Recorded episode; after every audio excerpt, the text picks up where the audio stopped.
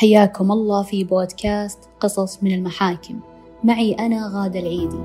في حياتنا الكثير من القصص التي تستحق أن تذكر وتروى للعظة والعبرة. ومن هذا المنطلق راح آخذكم في هذا البودكاست لأرض المحاكم والقصص التي تدور خلف أسوارها.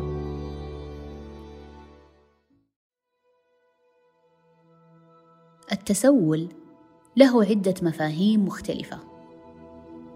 وهناك من يتسول العاطفة والاهتمام والسعي خلف الأنظار. وهناك من يتسول الشهرة والصعود على أكتاف الآخرين وأشكال كثيرة. لكن جميعنا نتفق أن التسول المالي يعتبر من أسوأ وأخطر أنواع التسول وله عدة أشكال وطرق. والمفهوم السائد عن التسول هو شحاذة أو طلب المال بالشوارع والأماكن العامة؟ وأكيد أو يمكن خليني أقول لك إنك بيوم من الأيام شفت هذول المتسولين وعطفت عليهم وحطيت يدك بجيبك وطلعت فلوسك عشان تتصدق من باب الرحمة والخير. لكن عمرك تساءلت وأنت واقف قدام الإشارة وتشوف المتسول أو الطفل اللي كسر خاطرك وهو واقف تحت الشمس ويفرح بأي مبلغ تقدمه له. ماذا خلف سعادته تلك؟ ومن يقف خلفهم؟ مين يوصلهم يوميا لهذه المواقع؟ ليه أي مبلغ تعطيهم يستانسون عليه وكأنه مبلغ أحلامهم؟ طيب ما عندهم أهل؟ مدارس؟ واجبات؟ ما ينامون؟ كل تلك التساؤلات ستجد إجابتها اليوم. في قصة قضيتنا اليوم حقيقة أود لو أنها تصل لمسامع الجميع. واللي أبغى أقوله لك اليوم واقع وقفنا عليه وشهدناه مع الجهات المختصة. لكن قبل ما نبدأ بقصة قضيتنا أرجع أنوه أن جميع الأسماء المذكورة في هذه القضية هي أسماء وهمية. ولا تمت للواقع بصلة.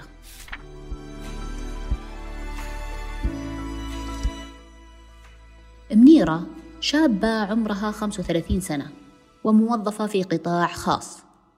عزباء ومستقلة ماديا. كانت مستقرة لحالها بالرياض بحكم أن عملها هناك. ومن منطقة تبعد عن الرياض قرابة الساعتين كانوا يعيشون أهلها. منيرة من الشخصيات الجادة بالعمل وكانت مركزة على تطوير ذاتها عمليا واجتماعيا وماديا. وتخطط تفتح لها مشروع وتصير مقتدرة وتعيش الحياة اللي تحلم فيها. لذلك كانت تجمع رواتبها وتدخر لحد ما جمعت لها مبلغ مرتب وكان المبلغ 220 ألف ريال. علاقة منيرة مع أهلها كانت من أروع ما يكون حتى إنها كانت تصرف عليهم بين فترة وفترة من راتبها وفي يوم من الأيام منيرة صادفت مراجع داخل مقر عملها وقدمت له خدمة إدخال بيانات وتوقيع أوراق. المراجع اسمه محمد عمره 39 سنة. عرف بنفسه لمنيرة وقال لها أنا محمد وأشتغل أعمال حرة. كيف لاقي دوامك هنا؟ قالت منيرة الوظيفة جدا مريحة وبمجال تخصصي التقني بس ما فهمت عليك كيف يعني أعمال حرة؟ قال محمد يعني بالبيع والشراء وشغال في بيع السيارات ونقلها وشغال بالذهب ومجالات مختلفة وعملائي من الناس الثقيلة زي ما شفتي بالمعاملة اللي معك مبالغ كبيرة لأصحاب أعمال أغنياء ومشاريع ضخمة. قاعد يسولف عن شغله بحب وشغف وحماس. أبدت منيرة اهتمامها الشديد كونها ناوية تفتح business ومجمعة رأس مال كويس. قالت طيب يا محمد تقدم استشارات بخصوص ال business والمشاريع؟ قال لها طبعا هذا رقمي الشخصي وكلميني. نتقابل برا دوامك وأبشري باللي تحتاجينه. أخذت منيرة الرقم بكل حرص من ثاني يوم كلمته وطلبت اجتماع. ومحمد كان واثق إنها بتتصل لأن حاجتها للاستشارة كانت واضحة على ملامح منيرة. وحددوا موعد بقهوة وقالت له منيرة أنا الحين أبغى أفتح مشروع مشغل نسائي. وشاركت منيرة كل شيء مخططة له وكم جمعت للحين من رأس المال. محمد قاعد يسمع بإعجاب. قال لها والله إنك شاطرة وتفكيرك ذكي وأنا أساسا أقدر أربطك بناس يستثمرون بهذه الأفكار ويمكن يشاركونك بعد. أخذ منها تفاصيل دراسة المشروع وسألها أسئلة شخصية مثل وين راح يكون المشروع؟ وأنت وين ساكنة؟ وكم راتبك؟ وعلى مين تصرفين؟ يعني عطاها اجتماع دسم جدا جدا جدا كانت تحتاجه منيرة.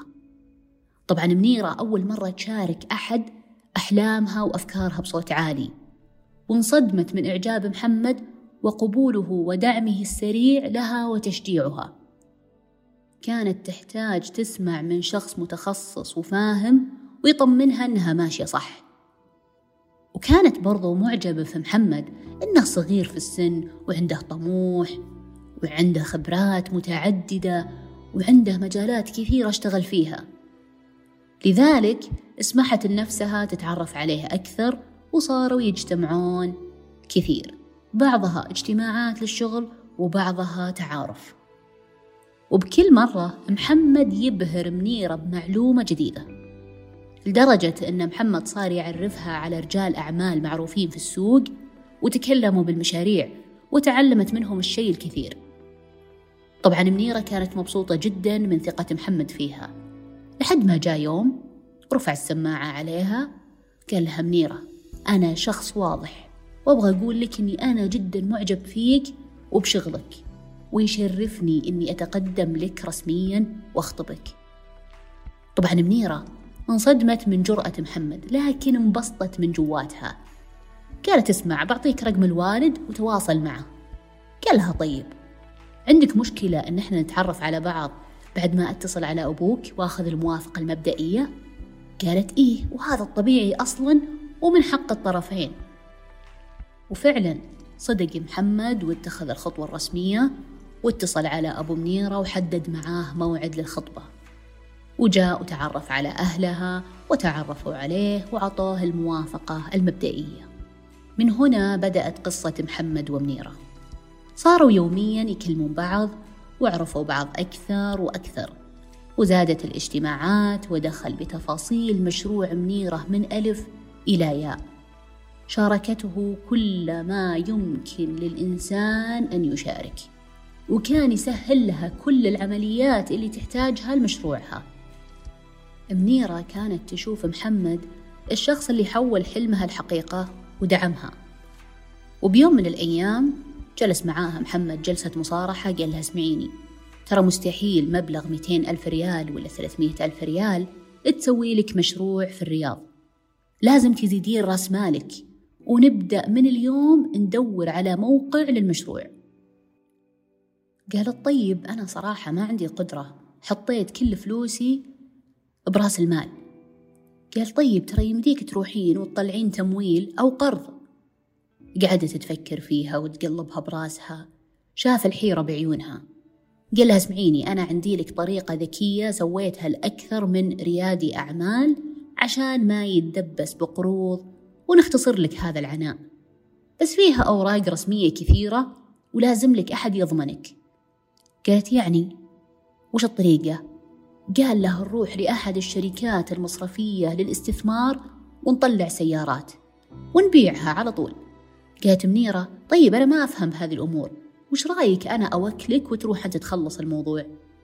قال لا لازم نروح مع بعض عشان توقيعك وحضورك. قالت المهم أنك تكون معي وتطمني. قال ولا يهمك مستحيل أتخلى عنك. وفعلا راحوا منيرة ومحمد لشركة سين المصرفية للاستثمار ودخلوا بأوراقهم الرسمية. قدمت لهم محمد على أساس أنه خالها. وأوهموا الشركة بذلك. واقترضت من شركة سين أربع سيارات إكسنت. وفور استلامها للسيارات قال لها محمد لازم نبيعها على طول ونحط الفلوس بالبنك. قالت طيب أنا معاك معاك. قام أخذ السيارات وباعها بمعرض سيارات بعيد يبعد عن الرياض تقريبا مية كيلو وحصل منها أربعمية ألف ريال. سلمهم لمنيرة وحطتهم في البنك. صار مجموع رأس المال الآن ستمية وعشرين ألف ريال. الفرحة ما هي بسايع منيرة لدرجة قررت تقدم استقالتها من شغلها عشان تبدأ تأسس المشروع وحياتها وحلمها. وفعلا قدمت استقالتها وشجعها محمد على هذه الخطوة. خطوات المشروع صارت تزيد سرعة. يوم عن يوم ولاحظت أن محمد قاعد يسرع هذه العملية فكانت متمسكة فيه جدا جدا جدا. أول شيء جاب لها فرع ولوكيشن للمشروع. قال لها اسمعيني ترى الأجار في هذا المكان سنويا تسعين ألف ريال. وأنا أعرف صاحب العمارة. ودي إن إحنا ناخذ المحل خمس سنوات. بس هذا الشيء راح يخلينا ندفع السنة الأولى مقدما. فأعطيني المبلغ كامل أسدده. لأني أنا أساسا أعرف صاحب العمارة ولازم يا منيرة تستوعبين إن الشغل ياخذ وقت فلازم على طول نوقع العقد وننزل العمال والمقاولين. وفعلا والله منيرة سددت كاش تسعين ألف ريال أجار. ثم جاب لها عمال ومقاولين وقال ترى بيكلف التأسيس مية وثمانين إلى ميتين ألف بس العمال ياخذون فلوسهم باليومية عشان كذا أعطيني المبلغ كامل كاش. ونحاسبهم وألزمهم بتاريخ تسليم للمشروع. قالت منيرة يا أخي والله العظيم النظام هذا قاعد يتعبني. كل شوي أسحب مبلغ وأعطيك أسحب مبلغ وأعطيك. وش رأيك أعطيك كامل المبلغ وأنت تتصرف فيه وأي أوراق حولها لي مع الفواتير؟ كذا أريح لي وأريح لك. قال تدرين أجل خلاص اسحبيهم كاش عشان أنجز لك كل شيء بسرعة. سحبت منيرة المبلغ وأعطته لمحمد كاش وأخذ التأسيس ثلاثة شهور وهي كل شوي تسأله وش صار؟ متى بيخلص؟ ويتعذر بالمقاول وكل ما تساءلت منيرة عن المشروع إنها تبغى تشوفه ولا تروح تشرف عليه صرفها محمد أو افتعل مشكلة تلهيها عن هذا الطلب. مرت ست شهور وما خلص المشروع. ومحمد كثرت سفرياته وطالت الخطبة وللحين ما صار شيء رسمي بينهم. صارت تتصل عليه عشان المشروع وعشان الزواج. ويوم يرد وعشرة ما يرد. وتدريجيا صار ما يرد نهائي. زاد قلق منيرة. الآن حياتها كلها متوقفة على محمد. مشروعها زواجها استقرار عملها. والرجال ما يرد. واستوعبت بعد هذه الفترة الطويلة إنها ما تعرف عن خطيبها ولا شيء. يعني قال لها إنه هو يشتغل أعمال حرة وكان مراجع بدوامها لكن هذه المعلومات ما هي بكفاية. طالت مدة غياب محمد وراحت منيرة لأهلها وكلمت أبوها بالموضوع. وبلغته عن المشروع والمبالغ اللي عند محمد ومشروعها اللي متعطل وإنها استقالت من شغلها. أبو منيرة قاعد يسمع البنت وانصدم. كانت بتجيه جلطة. كيف إن بنته لهذه اللحظة ما استوعبت فعل محمد؟ قال لها يا بنتي الرجال واضح إنه نصب عليك وراح. قالت كيف يعني نصب وراح؟ قال يعني استغلك واستغل علاقتكم وثقتنا فيه وبعد ما أعطيتيه الفلوس راح. احتال عليك بدون وعي منك. وهنا أوشكت منيرة على الانهيار. إلا أنها تداركت ذلك بعدما أن استجمعت قواها وتذكرت ثقة أهلها واستقلالها بذاتها عمليا وعلميا. لفت على أبوها بعين قوية مليانة انتقام وألم من الغدرة. قالت اسمح لي أرجع رياض وأخذ حقي منه بالقانون. قال أبوها يا بنتي ما راح تحصلين ولا شيء الرجال نصاب وشكله خبرة. وكفاية أساسا إنه خلاك تستقيلين من شغلك. خلاص اتركيه لربك وتحسبي عليه. قالت مستحيل أخليه يستغل ضحية غيري. وأنت عارف إني أنا مسلمته فوق ستمية ألف ريال. وتبغاني أخليه.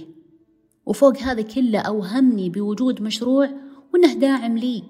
هذا غير إنه خلاني أطلع سيارات باسمي وبعتها ووثقت فيه وسلمتها الفلوس. أبو نورة كان يعرف إن محمد خطبها وبغاها وجاها مع الباب. طبعا ما كان يعرف أن بنته مسلمته أمور حياتها بثقة عمياء. لذلك قال اسمعي أبى أخليك تروحين لكن بشرط. توكلين محامي أو محامية. لأن الرجال هذا واضح أنه خطير وأنتي مو أول ضحاياه. وضروري ما تتنازلين وتمشين بالخطوات بشكل سليم. وفعلا احسمت أمرها منيرة واتجهت للرياض وتواصلت مع محامية وأعطتها تفاصيل الموضوع مع المحادثات والحوالات. قالت لها المحامية الحمد لله أنها جت على كذا مرت علي قضايا احتيال بالملايين وتراهم صاروا ياخذونها مهنة. وعقوبة محمد واللي مثله توصل للسجن ست شهور وغرامة خمسين ألف ريال. وإذا كانوا جماعة ومتفقين وبينهم تحريض توصل للسجن سنة وغرامة مية ألف ريال. وعقوبتهم راح تتضاعف إذا كانوا مكررين الجريمة. قالت منيرة للمحامية طيب اسمعيني أنا بوكلك بالقضية وإن شاء الله إن القانون راح ياخذ مجراه. بعد الوكالة تقدمت المحامية بدعواها للشرطة وذكرت قيام محمد بالنصب والاحتيال على منيرة.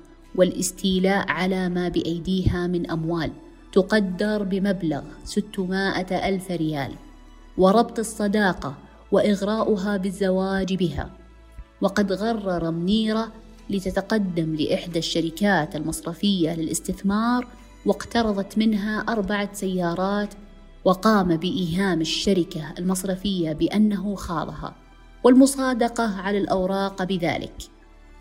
وقام ببيع السيارات في معرض سين واستلمت منيرة المبلغ ثم سحبت له المبالغ نقدا. وبعدما مكث معها وأوهمها وأغرر بها ذهب وتركها ولا يتجاوب معها. وبعد تقديم دعواها وتقييد البلاغ تم إحالة بلاغهم للنيابة العامة لاستكمال الإجراءات والتحري وتدقيق المعلومات. وفي النيابة استدعوا محمد للتحقيق معه وسماع أقواله والرد على ادعاءات منيرة. وأثناء التحقيق وجه المحقق سؤاله لمحمد. وش تقول على ادعاءات منيرة بأنك أخذت منها مبالغ مالية تقدر بستمية ألف ريال وأوهمتها بتأسيس المشروع وغررت بها وأغريتها بالزواج منها؟ وبعدها هربت وصرت ما تتجاوب. رد محمد أنا بعترف أني أنا أخذت فلوسها ورحت.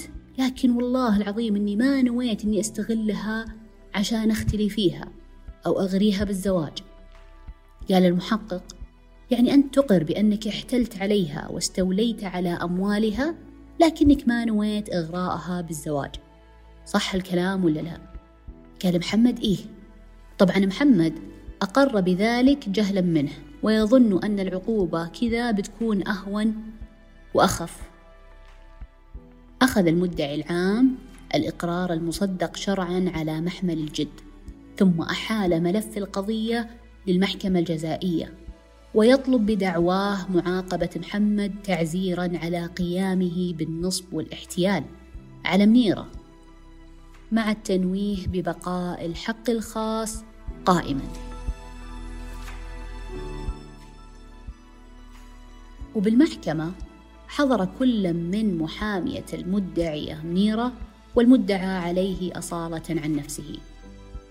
وافتتحت الجلسة بتدقيق أوراق المعاملة وسؤال القاضي للمدعى عليه. ما ردك على طلب المدعي العام؟ أجاب محمد أنا أنكر هذه التهم الموجهة لي يا شيخ. قال له القاضي طيب أنت مقر عند المحقق. قال صح. لكن أنا أرجع عن إقراري. وذلك الوقت أقريت فيه بعد ضغط شديد من أخوي بالاعتراف عشان يخففون عني العقوبة. وتوقعت أني لما بعترف خلاص بتنتهي الدعوة.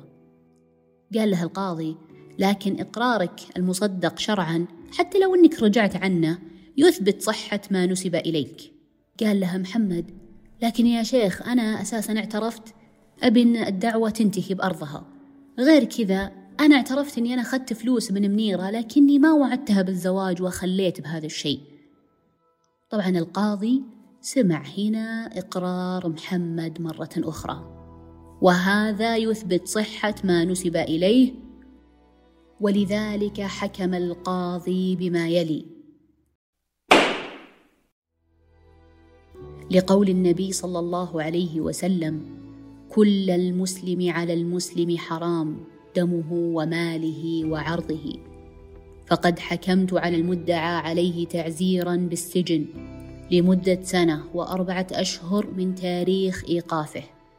ثانيا أخذ التعهد عليه بعدم العودة لمثل هذه الممارسات ويتجنب الرذيلة. ثالثا تغريم المدعى عليه بمبلغ عشرين ألف ريال مع بقاء الحق الخاص لحين مطالبة أصحابه به. وتمت المصادقة على الحكم.